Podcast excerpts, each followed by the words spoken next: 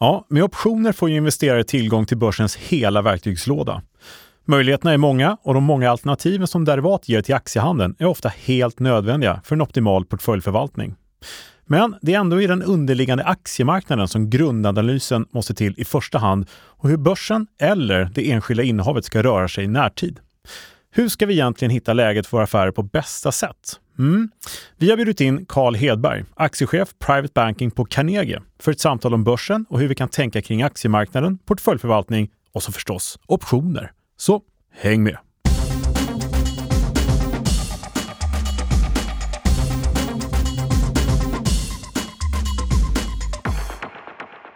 Ja, men välkommen tillbaka till Optionspodden. Här är ju podden som ger dig kunskaper som ingen privat eller professionell investerare på börsen bör vara utan. Här ska vi som sagt prata om börsens hela verktygslåda. Det är avsnitt 76. Jag står på Smile Studios, eller Studio Smile. Och jag heter Kalle Björkgren, tror jag. tror jag. Och, du heter... och jag heter Thomas Bernholm. Ja, mm. Jag blev lite från Nasdaq. Ja, jag blev lite osäker på saker och ting här plötsligt. vad, vad heter och så. Studio Smile, Smile Studios och mm. namnet. Ja, precis. Men hör du, välkommen tillbaka igen. Eh, den underliggande marknaden, då tänker jag på aktiemarknaden, mm. börsen, där du jobbar. Mm. Oerhört viktig plats. Ja, och eh, index är också en underliggande marknad. Mm. Men det finns ju även valutor, oljor, råvaror så att säga och, och saker och ting. Massor av saker, och, verkligen. Sådär. Mm. Men idag ska vi prata om hur vi faktiskt kommer fram liksom till, eh, ja men egentligen marknadstron. Hur ska vi analysera börsen? Hur ska vi liksom hitta det här läget som vi alltid söker efter för att göra en bra affär?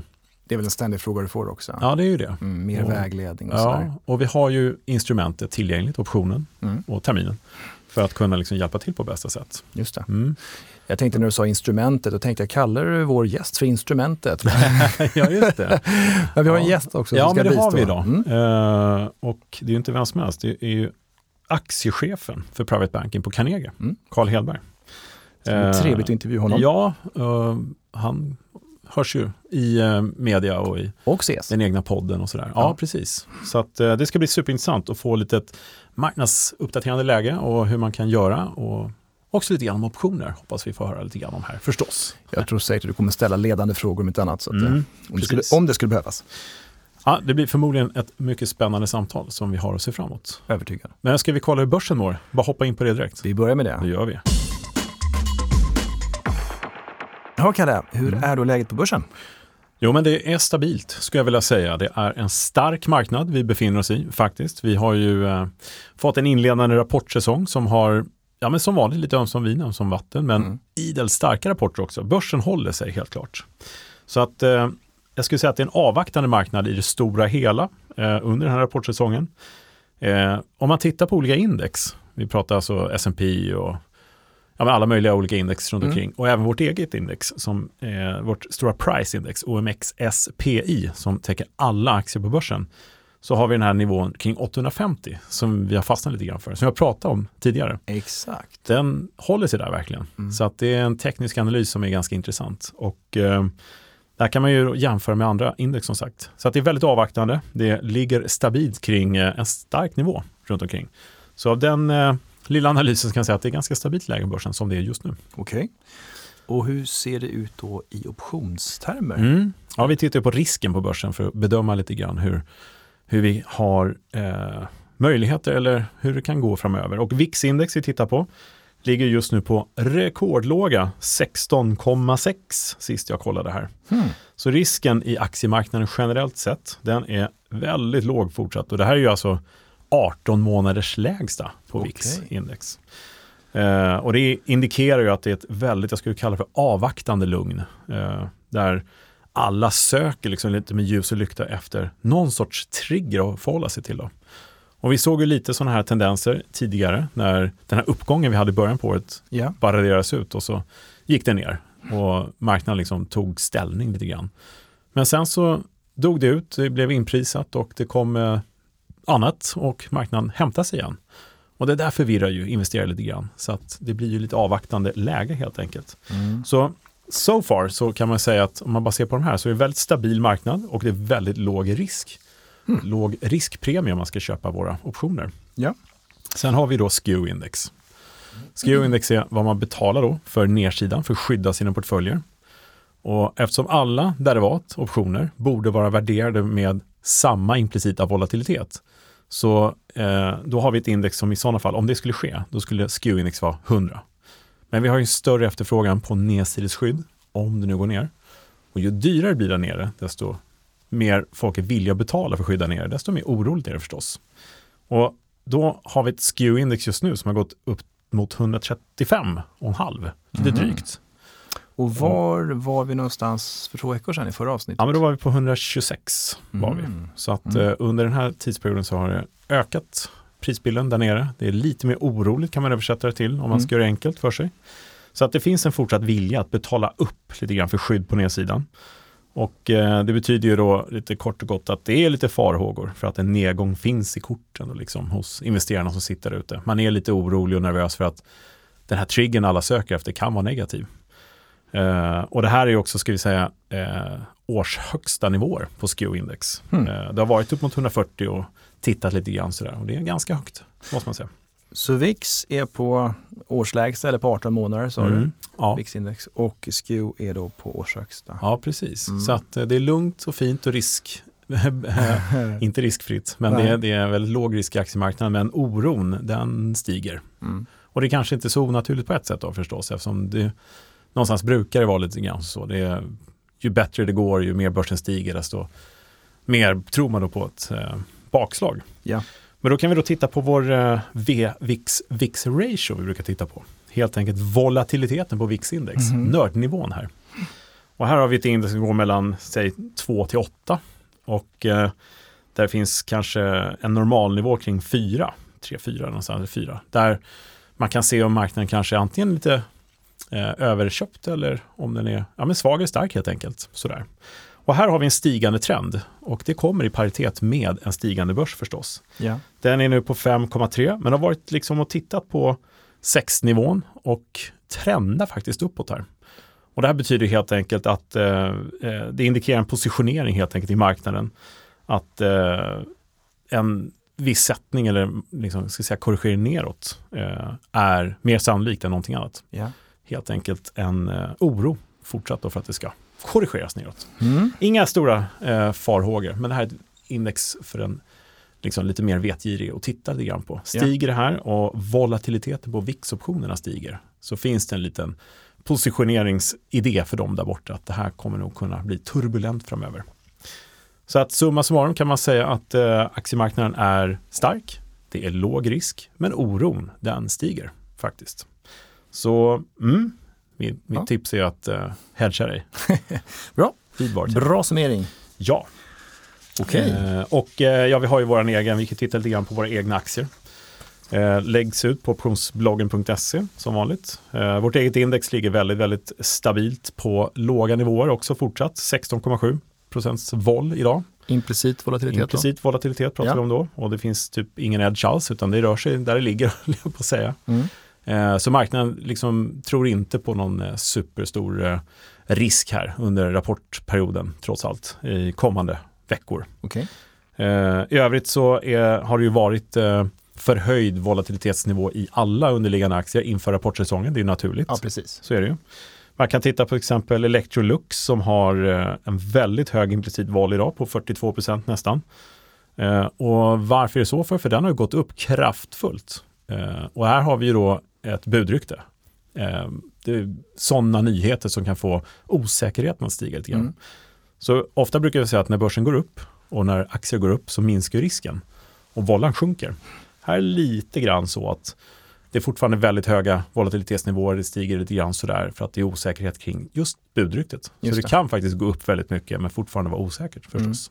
Man är beredd Så. att betala mer för en köpoption och den säljaren eller utfärdaren av köpoptionen vill ha lite bättre betalt kanske. Så att Ja, precis. det upp lite. Så det, det är rätt naturligt egentligen. Ja men så är det. Mm. Och eh, en annan aktie det pratas mycket om är SBB förstås. Många som tittar på den. Mm. Eh, och det, ja, det har ju varit lite si och så med utvecklingen där. Men eh, volatiliteten kommit upp där kraftigt sista par veckorna. Har det gjort, eller sista veckan ska jag säga.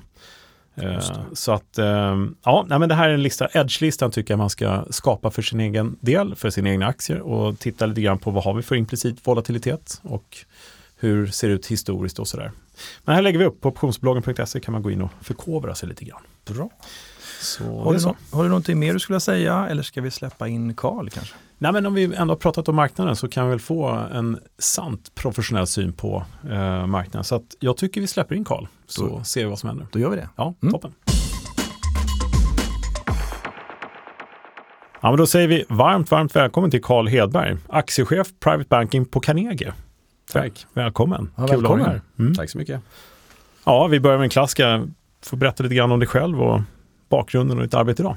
Mm, Absolut. Eh, Jag är 46 år. Eh, Jag började i finansbranschen eh, precis efter millennieskiftet. Jag har jobbat en vecka ungefär innan börsen toppade i mars 2000. Eh, Men då kom man ju in i en, en finansbransch som var glödhet när det gäller aktier i alla fall. Ja. Eh, Innan dess så hade jag studerat på jag tog examen från Uppsala precis innan. Men eh, tog en termin nere i Australien där innan det var dags för arbetslivet. Eh, Där jag bland annat läste optionsteori. Nämen. Right. Så där, det här var I ju, Australien det visste vi alltså. inte det här, men det här var ju Sydney eller vad, roligt. vad gör man det någonstans? Ja, exakt i. Sydney. Eh, University of Western Sydney läste jag på en termin Okej. där. Men vad Ja, kul. Ja. Kudos. Vilken rivstart. Ja, verkligen. Jaha, Ja. och det var millennieskiftet ungefär. Och sen, Ja men exakt, Mm. eh, började jobba på Handelsbanken. Ehm, var egentligen första stället som jag sökte jobb på som jag då fick ett erbjudande. Jag hade var, Ja. träffat ett par andra olika aktörer, stora som små. Men, men Handelsbanken var de som var först tillbaka. Så, så att, eh, ja. därav anledningen. Ja. Ehm, och eh, började på bankkontor där, fick lära sig bankverksamheten lite grann från grunden. Bra. Men det var ju aktiesidan som var det stora eh, intresset. Så att, och även om bankkontoren var väldigt aktiva eh, ganska många år därefter också faktiskt med aktiehandel för kunder. Så, så var det ändå lockande att vara någonstans där det enbart var det som fokuset. Så att eh, efter nå- någonstans nio månader så sökte jag mig vidare till en kapitalförvaltningsavdelning Mhm. eh, som, som Handelsbanken hade. Ehm, och eh, det var ju en liten trist start där då för då hade ju marknaden redan toppat för Ja. den gången i alla fall. Ja, och, eh, det höll ju i sig rätt så länge den här trista marknaden så att det började ju också monteras ner lite personer och sådär. Så att då var det återigen tillbaks till aktiehandel på bankkontor efter, efter några år där. Mm. Eh, Men det var ändå en här rätt rolig marknad. Det var ju fullt fokus på varanter framförallt minns jag från den tiden. Eh, och det var inte allt för uppstyrt heller eh, med just de här rådgivningsreglerna och så vidare. Så att, eh, det fanns gott om aktie och eh, varantintresserade kunder och det fanns gott om, om aktieintresserade medarbetare. Så, så att, eh, det, det var en rolig tid på, på det sättet. Ja. Ehm, men, och där var jag kvar i eh, sju och ett halvt år ungefär när eh, Swedbank lockade med en liten mera eh, private banking-inriktad satsning då som inte riktigt fanns fullt ut på Handelsbanken på den tiden. Mm. Eh, så då flyttade jag över där. Sen eh, visade sig det att det sammanföll väldigt mycket med finanskrisen då och då började man ju fundera på om det var ett klokt byte att, att lämna trygga Handelsbanken till, Bra timing till Swedbank där med ja. nyemission och så vidare. Ja. Eh, men, det, men det redde ut sig så att Du ska inte byta jobb någon gång nu snart? Nej, det var lite grann faktiskt känslan här också, vilket jag också pratade om när jag började på Carnegie, att varje byte tidigare hade sammanfallit med någon stor kris. Men, Ja. men Ja, det, det återupprepades inte hos Carnegie så som tur var. skönt. Trenden bröts. Ja, exakt. Jaha, Så att, eh, tio, tio år på Swedbank blev det innan eh, Carnegie dök upp som ett nytt alternativ där och det har varit i sex år nu. just det.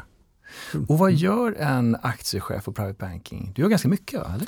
Det är lite olika delar. Eh, en del är och liksom grunden i det arbetet och jag började som mäklare på, på Carnegie, Mm. på private banking-delen där och sen efter tre år så gick jag över som ansvarig för det mäkleriet. Då. Ja. Så det kan man säga, det är ju grunden i arbetet, att ta hand om våra aktieintresserade kunder som vill ha nordiska enskilda aktier som en del i sin Mm. förvaltning.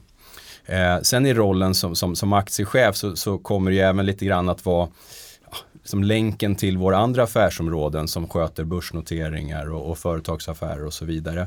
Ta ut den typen av transaktioner mot våra private banking-rådgivare då, som i sin tur pratar om det här med sina kunder.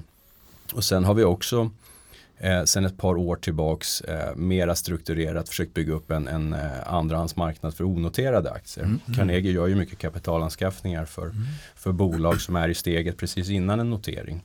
Och där har private banking-kunderna hos oss en möjlighet att investera i det här. Och i takt med att det har blivit fler och fler sådana transaktioner så, så har också intresset av att kunna försöka skapa någon form av likviditet i, i den marknaden dykt upp. Mm. Eh, och sen också då i spåren av, av eh, det här liksom ökade ränteläget så, så har vi även adderat till ett, eh, ett räntemäkleri och ett obligationsmäkleri där, där våra Mm. kunder kan investera egentligen i hela marknadens utbud när det gäller Mm. eh, företagsobligationer Ja, ja. och företagscertifikat. Spännande. Ja, väldigt spännande. Men så gör det väl lite andra saker också, man ser det i media ibland och sådär va? Ja men precis, det är väl den, den, den tredje delen egentligen och det är Mm. ju att, att, att försöka vara ute och synliggöra och marknadsföra vårt erbjudande. Carnegie Mm. är ju väldigt välkänt i institutionella investerarkretsar men kanske inte fullt ut lika välkänt då i, i privatinvesterarkretsar och framförallt inte om man kommer utanför då Stockholm eller utanför för storstäderna i, i Sverige. Eh, Så det är en del av, av eh, rollen också då, att, att föra ut vårt, vårt erbjudande och prata lite grann om vår syn på marknaden och Mm. våra aktiecase som vi tror på. Ja. Full koll på hela bredden av marknaden från aktier och räntor och hela biten. Ja men så är det. Sen Mm. är ju jag så här, jag är ju väldigt aktieintresserad själv och det är från Mm. aktiesidan jag kommer. Så, så Mm. att just räntesidan är väl inte det som jag lägger den största delen av mina dagar på. Men som Nej. sagt det, det finns eh, intressanta möjligheter där och särskilt i det här senaste årets kraftiga ränteuppgång så Ja. finns det ju faktiskt eh, aktieliknande avkastning på, på många håll även i, i räntemarknaden. Ja, men precis. Jag tänkte röda tråden här lite grann blir ju eh, börsen, aktiemarknaden som är i vår värld underliggande marknaden till optionshandeln då förstås. Men hur skulle du säga om vi tar det direkt, eh, just räntan och räntemarknaden har ju påverkat ganska mycket. Hur tycker du den har påverkat liksom, intresset för aktiehandeln eller liksom handeln i sig? Hur? Jag, jag, det här, man pratade väldigt mycket tidigare om, om att, att ehm, en, en återgång till mer normal ränta skulle få väldigt mycket kapital att försvinna från aktiemarknaden. Mm. Det tycker jag inte att man har märkt. Eh, Det har inte varit en stor motvind för aktiemarknaden i det stora hela. Sen är det klart, sen får det ju genomslag på massa olika effekter. Jag kan tänka mig, eh, liksom, du kanske är ute lite grann också efter optionsprissättningen så blir det ju Mm. liksom en annan Ja. komponent i det hela som man inte riktigt har räknat med Nej, eh, de här senaste åren. Men där det kanske har en mer direkt påverkan på, på, på vårt arbete, det är ju snarare för att privatinvesterare som, som jag pratar med, där är det ju många andra effekter av den här förändrade räntan som dyker upp. Att man kanske inte har riktigt lika mycket pengar kvar när man har betalat bostadslån och så vidare. Eh, sen är inte det egentligen den kundgruppen som, som kanske Carnegie har till största delen. Men jag tror om man tittar på privatinvesterarflöden i aktiemarknaden generellt sett Mm. så ser vi ju ändå så här att det är folk som har mindre pengar kvar och det kommer vara mindre pengar att investera i aktier eller ett löpande sparande i, även om det går via aktiefonder som sen då går in i aktier. Ja. Så att nog får en påverkan på det sättet utan tvekan. Ja, Men som den här direkta effekten av att om man tänker sig ett allokeringsperspektiv, där tycker jag inte riktigt det har varit liksom den här farhågan som man hade innan. Nej. Att, Mm. att pengar, när det väl finns en ränta att få, då kommer pengar försvinna ur aktiemarknaden. Ja, som har letat sig in där för att Mm. det inte fanns någon avkastning tidigare. nej, nej, marknaden håller sig ganska stark får man lov att säga. Så här. Onekligen. Ja, Mm. så är det ju. När vi ändå berör räntan och sådär, har du en uppfattning om ränteläget framöver? Har du någonting klokt att säga där? Ja, Mm. vi har ju faktiskt två centralbanksbesked nu i veckan här, både från, från eh, amerikanskt håll och från euro, europeiskt håll. Mm. Och eh, i det korta perspektivet så är det väl utan tvekan så att den ska fortsätta röra sig uppåt en liten bit till. Mm. Eh, vi börjar ju dock närma oss troligtvis någon form av, av toppnivåer. Sen är ju om man tittar på prissättningen i marknaden så, så är ju marknadens syn att räntan relativt snart faktiskt ska börja komma neråt igen. Mm. Och det är väl där jag möjligtvis tror att marknaden kommer kunna bli lite besviken för att jag tror inte att det kommer gå fullt lika fort utan snarare att vi ligger kvar på, på en högre nivå. Vi behöver inte komma upp så mycket mer men att det kommer vara någon form av platå som vi ligger på Ja, innan det. det sen Mm. kommer kunna börja komma ner. Så nedgången kommer kanske dröja lite mer då bara? Ja men jag tror det. Om Mm. det inte är så att, att det faktiskt blir en, låt säga så här, vi får en, att marknaden har prisat in rätt, att vi får den här snabba nedgången igen Mm. i räntan. Eller åtminstone att, att steget till nästa steg då som då blir neråt, att den ligger så pass nära i tiden. Då är jag då rädd för att det sammanfaller nog med, eller anledningen till det är att vi då har en betydligt sämre ekonomisk det. utveckling. Så Mm. att liksom det är anledningen till att man så snabbt kommer till det steget. Mm. Men det tror jag är mindre sannolikt faktiskt. Mm. Eh, Räntan eh, påverkar onekligen många privatpersoner och sådär som lyssnar. Märker vi i frågorna också att det är många som är ute efter liksom kanske lite mer bråttom och, och få lite avkastning och sådär. Eh, och sen tycker jag också att det, det tar ett tag. Det är lite en sån här tsunamivåg som kommer efteråt med just ränteläget. Tror du att vi har sett liksom, eh, den stora effekten av ränteökningen, den som har varit ganska kraftig, redan nu eller har vi det framför oss lite grann? Vad tror du om det? No, Ja, jag håller ju med dig. Jag, jag tror ju inte att, att privatkonsumenten har sett den fulla effekten av den riktigt än. Man har väl kanske börjat märka det lite grann. Men mm. det är mm. klart att man klarar det ju lite bättre i början än vad man kanske gör om det blir mer uthålligt. Mm. Däremot så tror jag ju att i, i, aktiemarknaden i många fall, där har vi nog sett effekten av det. Om vi tittar till exempel på mm. konsumentinriktade bolag så är det ju extremt många bolag som har haft en urusel kursutveckling. Mm. Så där har ju marknaden varit väldigt snabb på att prisa in den här försämringen. Så där tror jag faktiskt att i många fall att man liksom har tagit ut svängarna lite för mycket. Att det kommer ja. nog inte bli fullt så illa som, som ah, ja. aktiekurserna indikerar. Mm. Sen finns det givetvis en del av de bolagen som kommer få problem med att man kanske har en för hög skuldsättning, att man inte har kassaflödena som täcker så mm. att man måste ta in pengar från, från aktieägarna i någon form. Och det är klart att då finns det ju ytterligare nedsida i de aktierna. Precis. Men om man ser till sektorn som helhet så tror jag inte att, att det finns en, en jättenedsida kvar på det sättet. Mm. Eh, utan då är det nog snarare i andra sektorer där vi inte har sett den här negativa effekten. Mm. Om man tänker sig mer konjunkturkänsliga bolag som inte har privatkunder eh, i direkt något nära led. Där mm. är man ju nästan lite mer förvånad över att det inte har synts mer än så ja, länge. Ja, så. Mm. Så om det kommer en kund till dig och säger att uh, man vill vara lite mer försiktig, man tror att det ska vara lite skakigt kanske resten av året och nästa år. Och hur ska man sprida sina risker på ett bra sätt, skulle du säga? En, fort, fortfarande ha en bra chans till en bra avkastning, förstås. Som alltid. Ja, men precis. Exakt. Nej, men jag tycker det är här, en viktig komponent är ju att titta på bolag som faktiskt har en, liksom, en god direktavkastning. Mm. Det är oftast ett tecken ja. på att bolaget har en, liksom, en vettig vinst ja. eh, och eh, liksom, en god tillförlit till, till, framtiden att man kan fortsätta dela ja. ut de här pengarna. Väl fungerande liksom. Ja. Mm. Eh, men sen är det väl också så här spridning mellan branscher är ju en god idé på det sättet. Men vi har ju sett att börsen som helhet håller ju upp väldigt väl. Mm. Men som sagt, tittar vi konsumentinriktat bara så är det ju en helt annan utveckling. Mm. Tittar vi på fastighetssektorn till exempel är det en helt annan utveckling. Så har du varit för koncentrerad i, i dina eh, aktieinvesteringar så kan du ha en utveckling som liksom har gått raka motsatsen nästan mot börsen som helhet. Mm. Så det, är väl, det kan jag tycka så att sprida riskerna lite grann. Att faktiskt dels då ha lite grann en exponering mot det som, som är riktigt pressat redan. För där finns det sannolikt hyggliga möjligheter till, ja. till en återhämtning. Eh, men som sagt titta på bolag som har stabila vinster bra tillförsikt i, i, i vinstutvecklingen och sen gärna en liten utdelning utöver det. Då. Ja, det låter klokt. Nu är ju inte jag någon Carnegie-kund, jag vet inte om du är det Kalle, men inte än i alla fall kanske. Mm. Men har du någonting konkret du kan dela med dig som ni liksom, något bolag eller någon sektor som ni känner att det här i synnerhet, det här bör man inte missa eller det här kanske man ska vara lite mer försiktig med. Mm. Om du kan göra vill säga. Absolut. Mm. Nej, men jag, tror, jag tror till exempel banksektorn tycker jag passar in på det här med egentligen god utdelning och stabila vinster. Mm. Eh, jag kan vara lite förvånad att man inte har plockat upp de svenska bankaktierna lite mer efter att det ändå har lagt sig kring den här bankosäkerheten som vi hade för, för en dryg månad ja, sedan. Eh, där tror jag inte att det ska vara någon större, större eh, fara med att äga dem på ett års sikt. Det tror jag man kommer ha en, en bra positiv avkastning. Eh, sen tror jag att, att om man tittar på bolag som har en möjlighet att som växa sina egna vinster utan att bara vara beroende av en helt underliggande marknad. Att man har någonting som sticker ut lite grann som gör att man kan växa betydligt snabbare. Eh, jag tycker att bolag som Gränges till exempel är jätteintressant där som har eh, riktat in sig mer och mer mot eh, just elfordonsindustrin. Man har börjat plocka fram produkter då som används i litiumjonbatteritillverkningen eh, med stora inträdesbarriärer som gör att liksom man har en ganska bra ställning där, god lönsamhet på det. Mm. Så det, det, tror jag absolut är intressant.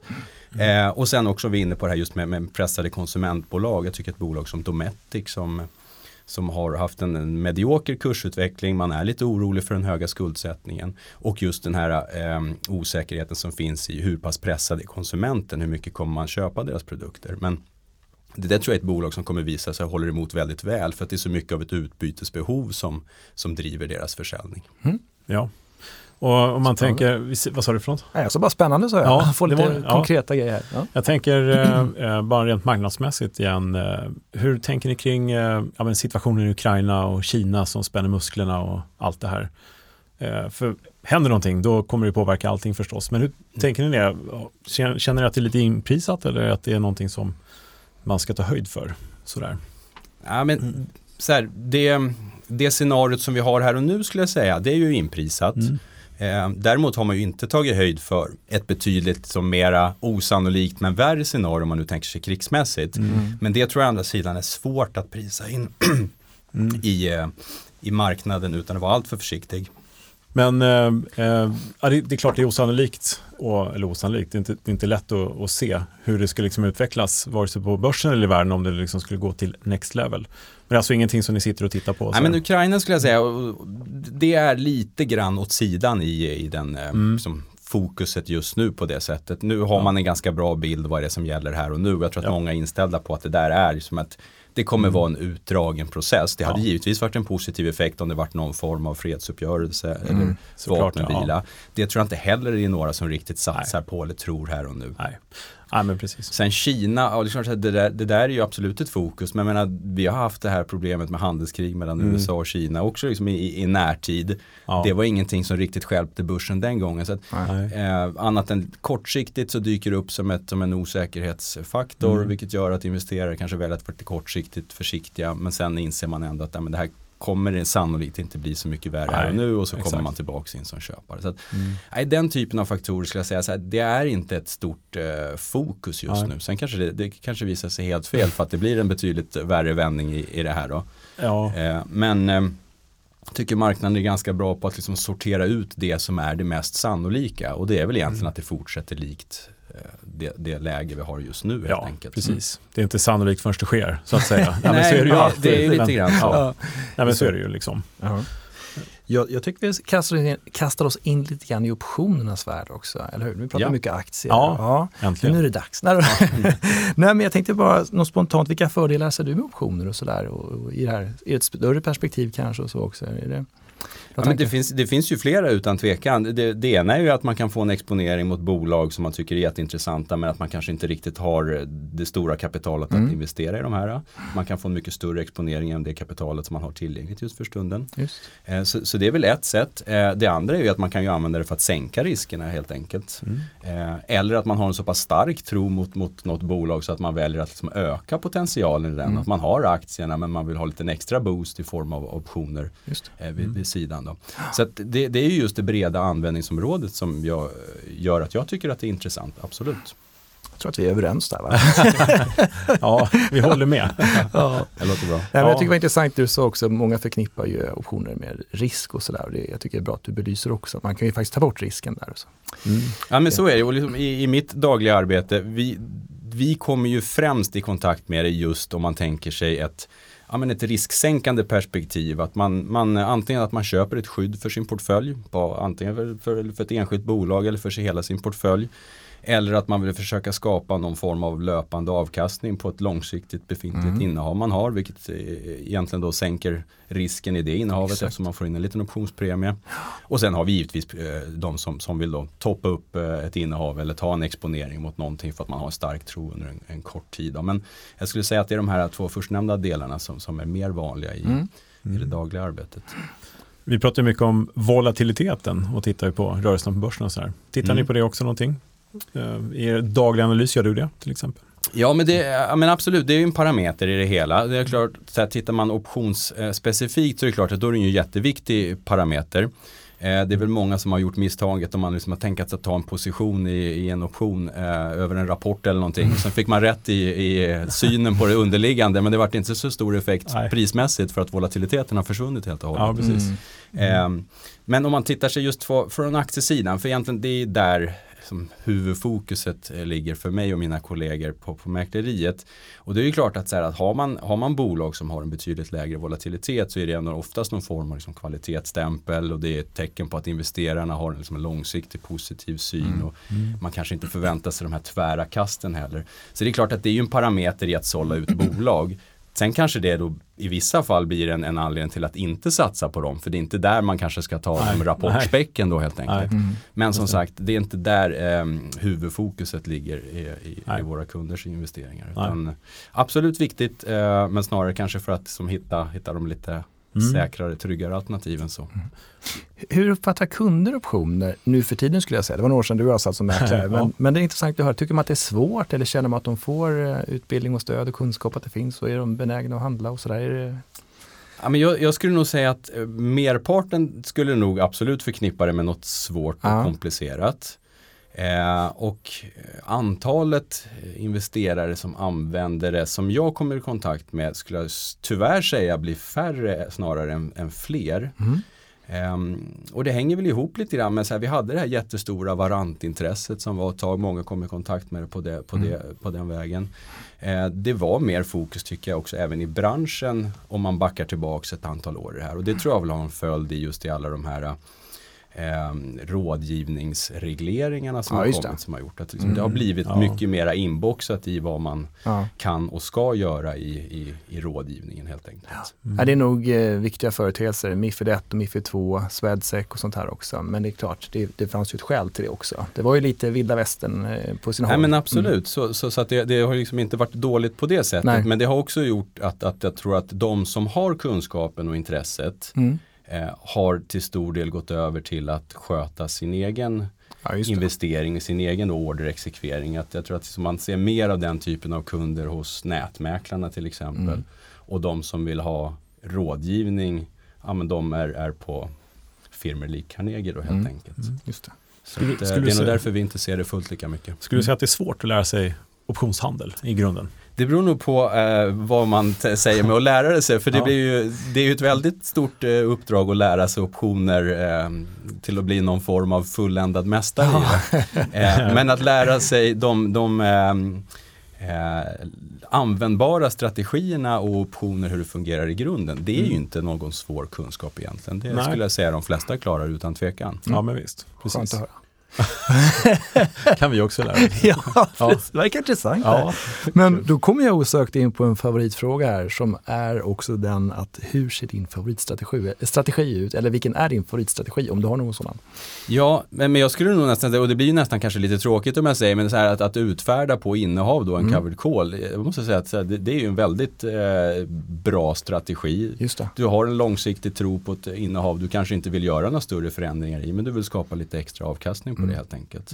Vet Eh, och du får in en optionspremie som faktiskt då sänker din eh, risk lite grann. Just. Eh, Så det i kombination med att utfärda säljoptioner, att man helt enkelt tar, tar på sig löftet att köpa en aktie på, på en viss nivå. Då. Mm. De två tillsammans skulle jag säga, dels för att det är det som, som är mest eh, användbart i, i mitt arbete, eller snarare så här, det passar flest kunder skulle Ja, jag säga. Eh, och är väldigt lätt att förstå.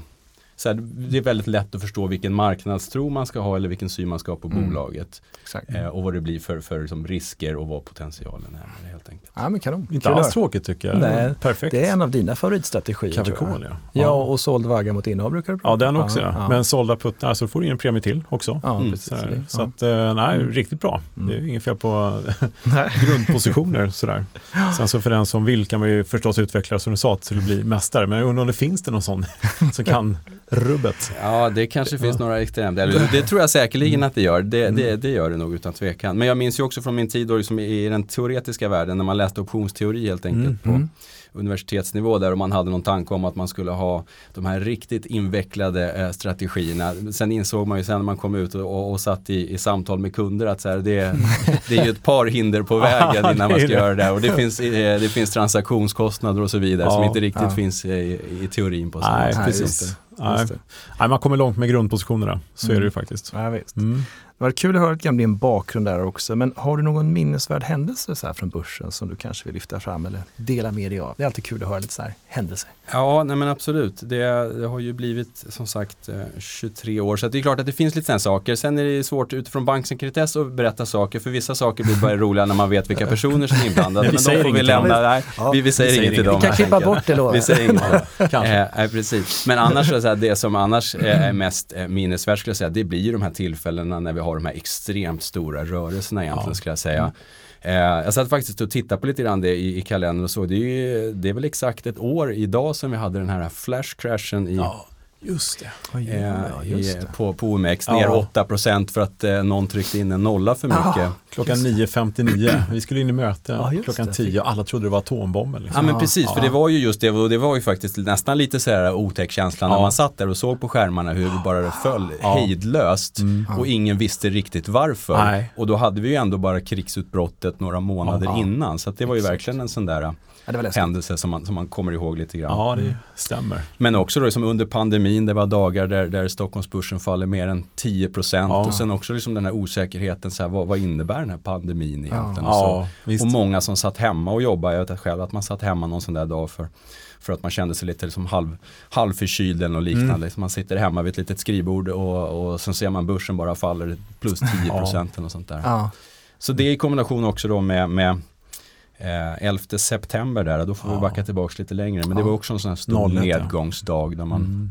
kanske nu i efterhand tänkte att det borde inte vara riktigt lika svårt att se förbi. Men, men som sagt, eh, stora, stora Ja. marknadsrörelser var vi ju redan Mm. inne i redan när det hände. Och, och det var ja, det ju sant. Ja. Bra bit kvar av nedgången efteråt. också. Ja, men vad man inte får glömma är, här och nu idag vet vi ju facit. Men där och då, Mm. at the Mm. moment, i september till exempel, då trodde man att det var 100 plan luften skulle krascha överallt. Man hade ingen aning, man visste ingenting.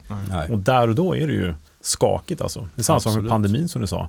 Vad innebär det här? Något helt nytt. Mm. Ska det gå ner 10% imorgon igen och sådär. Mm. Man, det var nog ingen som hade bettat på att börsen kommer gå upp 80% närmsta så här, Nej. 12 månaderna eller någonting. Nej. Nej, knappast. Inte riktigt så mycket, men äh, är det osäkert läge. Det är Mm. spännande att höra. Mm. Mm. Nu har du redan delat med dig av bra kunskaper och så vidare, men har du några specifika tips till eh, lyssnarna till Optionspodden? Du har ju sagt redan lite bra grejer. Ja har- men precis, men här, det, det blir ju många av de här liksom, ehm, naturliga sakerna. Riskspridning är ju gärna en sån sak då. Ja. Och, och det kan vi ju konstatera också i, eh, om vi då tar ehm, pandeminedgången egentligen. Tittade man på, på de kunderna som hade en geografisk spridning och det hade lite valutaeffekter och sånt då som, som kom som en positiv effekt. Ja, ja. Det var ju väldigt många investerare som knappt hade en negativ utveckling. Okej. Medan om du hade haft bara då en som svensk börsexponering hade en betydligt sämre utveckling under liksom en bra tid av, av, av återhämtning Ja, uppåt. Så det är väl ena. Men annars så tycker jag att det, just när det gäller aktier så jag tycker det är viktigt att ha med sig lite grann att det som driver en aktiekurs eh, framöver det är ju, ja, men antingen är det ju vinstutvecklingen Mm. eller så är det eh, att man är beredd att betala högre multiplar för, för varje vinstkrona. Helt enkelt att man vill betala mer för, för, för varje krona i vinst bolaget gör. Och det där kan jag tycka lite grann att, att en del missar och tänker sig bara att man tittar på en kursgraf och ser att Mm. ja, men SBB handlades i 70 kronor och nu handlas den i, i 11-12 kronor. Det Mm. måste ju vara en fantastisk uppsida men Ja. riktigt så lätt är det ju inte. Men om man Nej. kommer tillbaks till just det här och tänker att ja, men vad är det som driver den här utvecklingen Mm. framöver? Alltså att det är ju i grund och botten vinsterna bolaget gör. Så Mm. är det ganska lätt att ha, liksom, lättare åtminstone så att säga, att ha någon tro om, men är det rimligt att den här aktien ska Mm. ha en positiv utveckling eller står man inför för risk att det snarare ska vara åt andra hållet? Just det. Mm, klokt. Ja, här är en del att tänka på. Det var, någon som sa någon sån här, eh, en aktiekurs som har gått ner 90 Det är en aktiekurs som har gått ner 80% och sen halverats. Får man lite så perspektiv på någonting. Och Mm. då börjar man fatta att det liksom Mm. är någonting som har tappats i bolaget. Det är inte bara att det kommer att gå upp 500 Nej, exakt, automatiskt. Och det där tror jag nästan kan vara lite grann en risk efter eh, pandemin här, den stora nedgången som var med den snabba kraftiga återhämtningen. Dels så kom det in väldigt många nya investerare i marknaden Mm. och många bolag såg ju uppgångar som var betydligt större än vad de faktiskt föll Mm. under pandemin. Mm. Så att jag tror att det också är lite lätt att fastna i att man tänker att det kommer en rejäl studs tillbaks uppåt efter alla Ja. nedgångar och det Mm. kommer ju vara långt ifrån Sant. sanningen framöver. Även om det för börsen som helhet oftast har det som en Mm. effekt av att, att läka nedgångarna. Jag tecknade Telia år 2000 på 85 spänn. När som helst kommer studsa tillbaka. Ja, när som helst. Ja, när som helst. Ja, det struntar i utdelningarna, det är bara- den ska upp över där. Nej men superintressant. Eh, avslutningsvis bara, eh, var står börsen om ett halvår? Vi vill ha facit. Fortfarande fri. Frihamnen va? Fortfarande? Ja, ja stämmer. Bra där. Precis. Hoppas jag. Ja. Ja, hur kommer börsen gå? Ja, Jag skulle gissa på, vilket tyvärr kanske är ett litet så här tråkigt scenario, jag tror inte på några större, större fall, men, men jag tror nog lite mer kanske pyspunka, så, så att något lägre än vad vi är Mm. nu skulle jag säga. Dels för att vi har haft, men vi hade en stark avslutning på förra året och en stark inledning på, Mm. på det här året. Och vi har just de här konjunkturutsikterna framför oss som är lite osäkra. Just nu så, så tjänar våra stora bolag ganska bra med pengar. Men frågan är om vi inte kommer se den här effekten av en mer pressad konsument mm. letar sig in i, i fler bolag då helt enkelt. Jag tror mm. på lite osäkra vinstutsikter och en marknad som då fortsätter att vara lite avvaktande i, eh, i väntan på det. Och sen har vi det här, precis som vi nämnde tidigare, med räntan. Jag tror att marknaden kanske är lite för optimistisk i sin mm. eh, förhoppning om att räntan ja. ska ner igen. Så att, mm. att vi har det här halvåret av, av lite väntans tider framför oss och då är mm. nog rädd för en liten lätt pyspunka. Det låter som ett gyllene tillfälle för capital calls som du pratar om. Faktiskt. Mm. Ja, faktiskt. Du ser, det finns mm. alltid något ja. man kan göra. Alltid något med optioner. Nej, klokt. Ja. Eh, du, Karl Hedberg, stort tack för att du kom till Optionspodden och delade mm. med dig av kloka insikter. Verkligen, tack, tack så, så mycket. mycket. Tack, tack så jättemycket. Ja, det var intressant att höra mm. Carl Hedbergs eh, information och intryck och ja, men, uppfattningar. Och... Verkligen, mm. påläst och bra och eh, inspirerande tips. Och anekdoter på slutet också. Mm. faktiskt. Just det. Eh, vi kan ju säga det att om man vill ha mer av Karl, vilket borde vara naturligt här, så mm. kan man gå in och prenumerera på nyhetsbrevet på Carnegies hemsida, carnegie.se. Tycker jag man ska göra. Det gör vi och det är bra. Mycket bra, mm. gör det. Nej, kul. Uh, ska vi ta ett frågor? Jag tänkte just fråga dig samma sak. Har du mm. några frågor? Kalle? Jag såg det, men jag var snabbare än vad du var. ja, du var det som vanligt. Ja. Det kommer in mycket frågor. Tack för dem som vanligt. Uh, vi tar ett axplock uh, och försöker svara på så många vi kan. Vi tar några här. Mikael har frågat till att börja med så här, hur handlar börsen de egna optionskontrakten? Jag ska börja med att säga att det är en ganska vanlig fråga. Hur sitter de och handlar på Nasdaq? Hur sitter ni på Nasdaq och handlar optioner? Och vilka positioner tar ni och sådär? Så det finns ju en tradingdesk, mm. men de tar inga egna positioner. Exakt. Så berätta kortfattat. Nej, precis. Vi är ju bara en marknadsplats och vad ska man kalla det, en mellanhand. Mm. Så vi matchar olika parter i affärer. Typiskt mäklare. Mm, exakt. Mm. Så det vi gör, och skulle det bli en position någon gång så kan det vara en, en felaffär, någonting som man reglerar eller något sånt där, mm. problem. Så ja. det är oerhört ovanligt. Mm, precis. Eh, nej, så att vi har inga egna positioner. Nej. Däremot så har vi mäklarbordet då. Jim mm. Lindgren som är chef för det har ju faktiskt varit med i podden yes. och pratat lite. Ja. Och där syr man ihop affärer och hjälper till, hjälper banken helt enkelt mm. med saker och ting, vad det kan vara. Så saker. om jag som kund till min bank vill ha ett pris i en option där det för tillfället inte finns, mm. Då kan jag ringa till min mäklare. Då ringer mäklaren oftast till den här tradingdesken. Är Jim. Ja. Säger Jim, ge mig ett pris. Så fixar han det. Liksom. Exakt. Och det brukar gå fortare än vad det låter. Utan mm. säger bara pang så fixas det. Så eh, hur handlar börsen med optionskontrakten? Eh, de hjälper bara till och förmedlar. Ja. Så tar inga egna positioner. Eh, Nathalie har frågat, hur kan man få ett bättre pris i en option än det som visas på börsen som ni pratat om tidigare? Mm, eh, två saker, om jag, jag, tog lid på svaret där direkt. För jag kände att... Du helt rätt ja.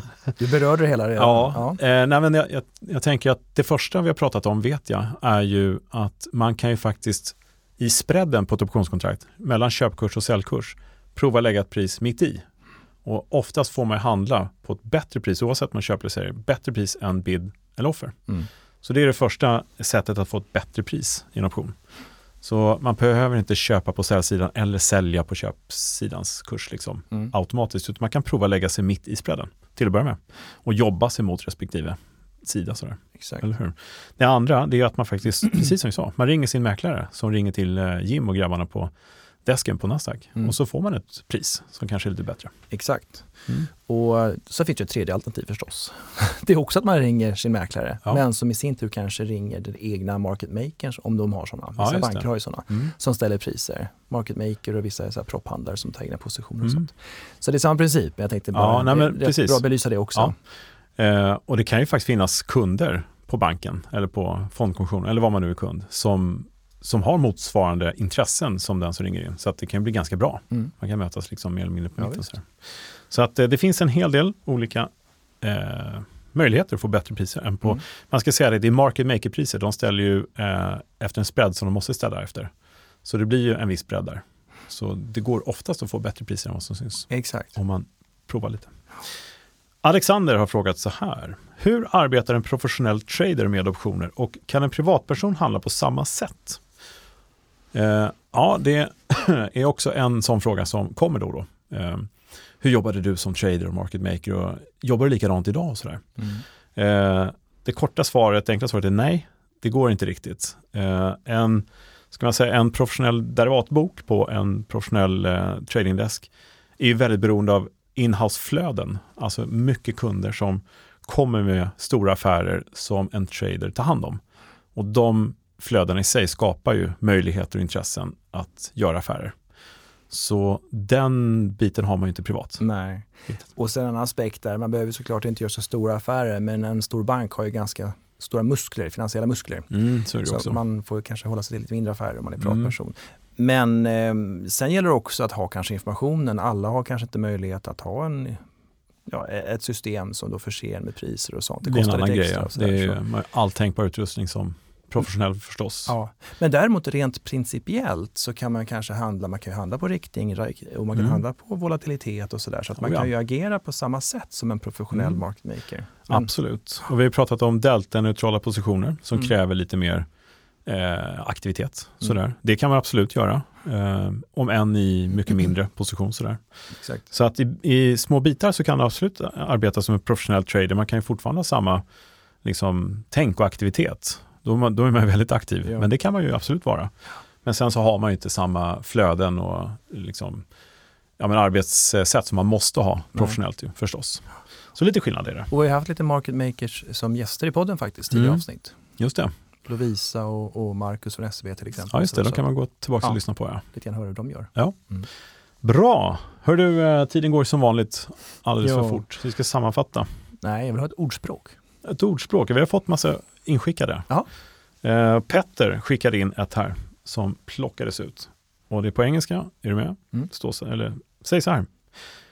It is not the strongest or the most intelligent who will survive, but those who can best manage change. Charles Darwin sa det här. Alltså, det är inte de starkaste eller smartaste som kommer överleva, utan de som bäst kan anpassa sig efter förändring. Tack, tack, för att du översatte det. Ja, du förstod inte. Det såg ut som ett frågetecken att prata engelska plötsligt. Nej, jag skojar. Så avdelningen är förbered dig på det oväntade. Ja. Och vad är bäst att använda då? Ja. Nej, men Charles, ja, optioner såklart. Ja, bra. bra. Men om, om, Charles Darwin myntade detta så mm. um, han har nog kanske belägg för det, eller hur? Evolutionen och Ja, han måste ha handlat optioner. ja, evolutionen ja. sa du. Ja, jag handlar evolutioner. Optionsteorin körde ja. Nej, men klokt på något sätt. Tack Peter. Ja, men absolut. Jättebra. Uh, ja, um, det, det, det man, ligger mycket i det. Ja, men det gör det. Man börjar tänka. Mm. nu spelar vi in en podd där, men jag börjar tänka längre steg. Uh, så tack för det. Nej, vi uh, ska avsluta det här och tvär och mm. återkomma om två veckor igen. Gör vi. Uh, följ oss på Instagram, Optionspodden, om du har missat det. Eh, Optionskurs.nu. Ja, om man in, vill lära sig det här med optioner. Ja. Mm. Gratis, helt och hållet. Med massa möjligheter. Eh, ja. Nasdaq Derivatives Academy. Bra också ja. Sig mer. Mm. Vi har ju en Facebookgrupp också som heter Optionshandel på börsen som är knuten till optionskurs.nu som man kan gå in och anmäla till mm. och där kan man ta del av massa ja, men idéer och tankar och grejer är planen där. Så har vi optionsplay.se och vi har mm. optionsbloggen.se. Eller vi har, du har rättare sagt. Just det. Ja, men och, vi får titta där också. Ja, om ni är snälla. ja. Twitter, att se Björkegren. Där kontaktas jag enklast. Utmärkt. Så nu har vi inget mer att sälja som brukar säga. Nej, precis. Nej. Men eh, tack för idag. Tack Intressant. Eh, tack alla lyssnare. Ja, och tack eh, Studio Smile. Och tack Albin i kontrollrummet för att du får oss att låta bra. Det är tacksamt. Hur bär han sig åt? Ja, jag har ingen ja. aning, men det är tacksamt i alla fall. Ha det fint allihopa. Detsamma. Tack. Hej. Hej.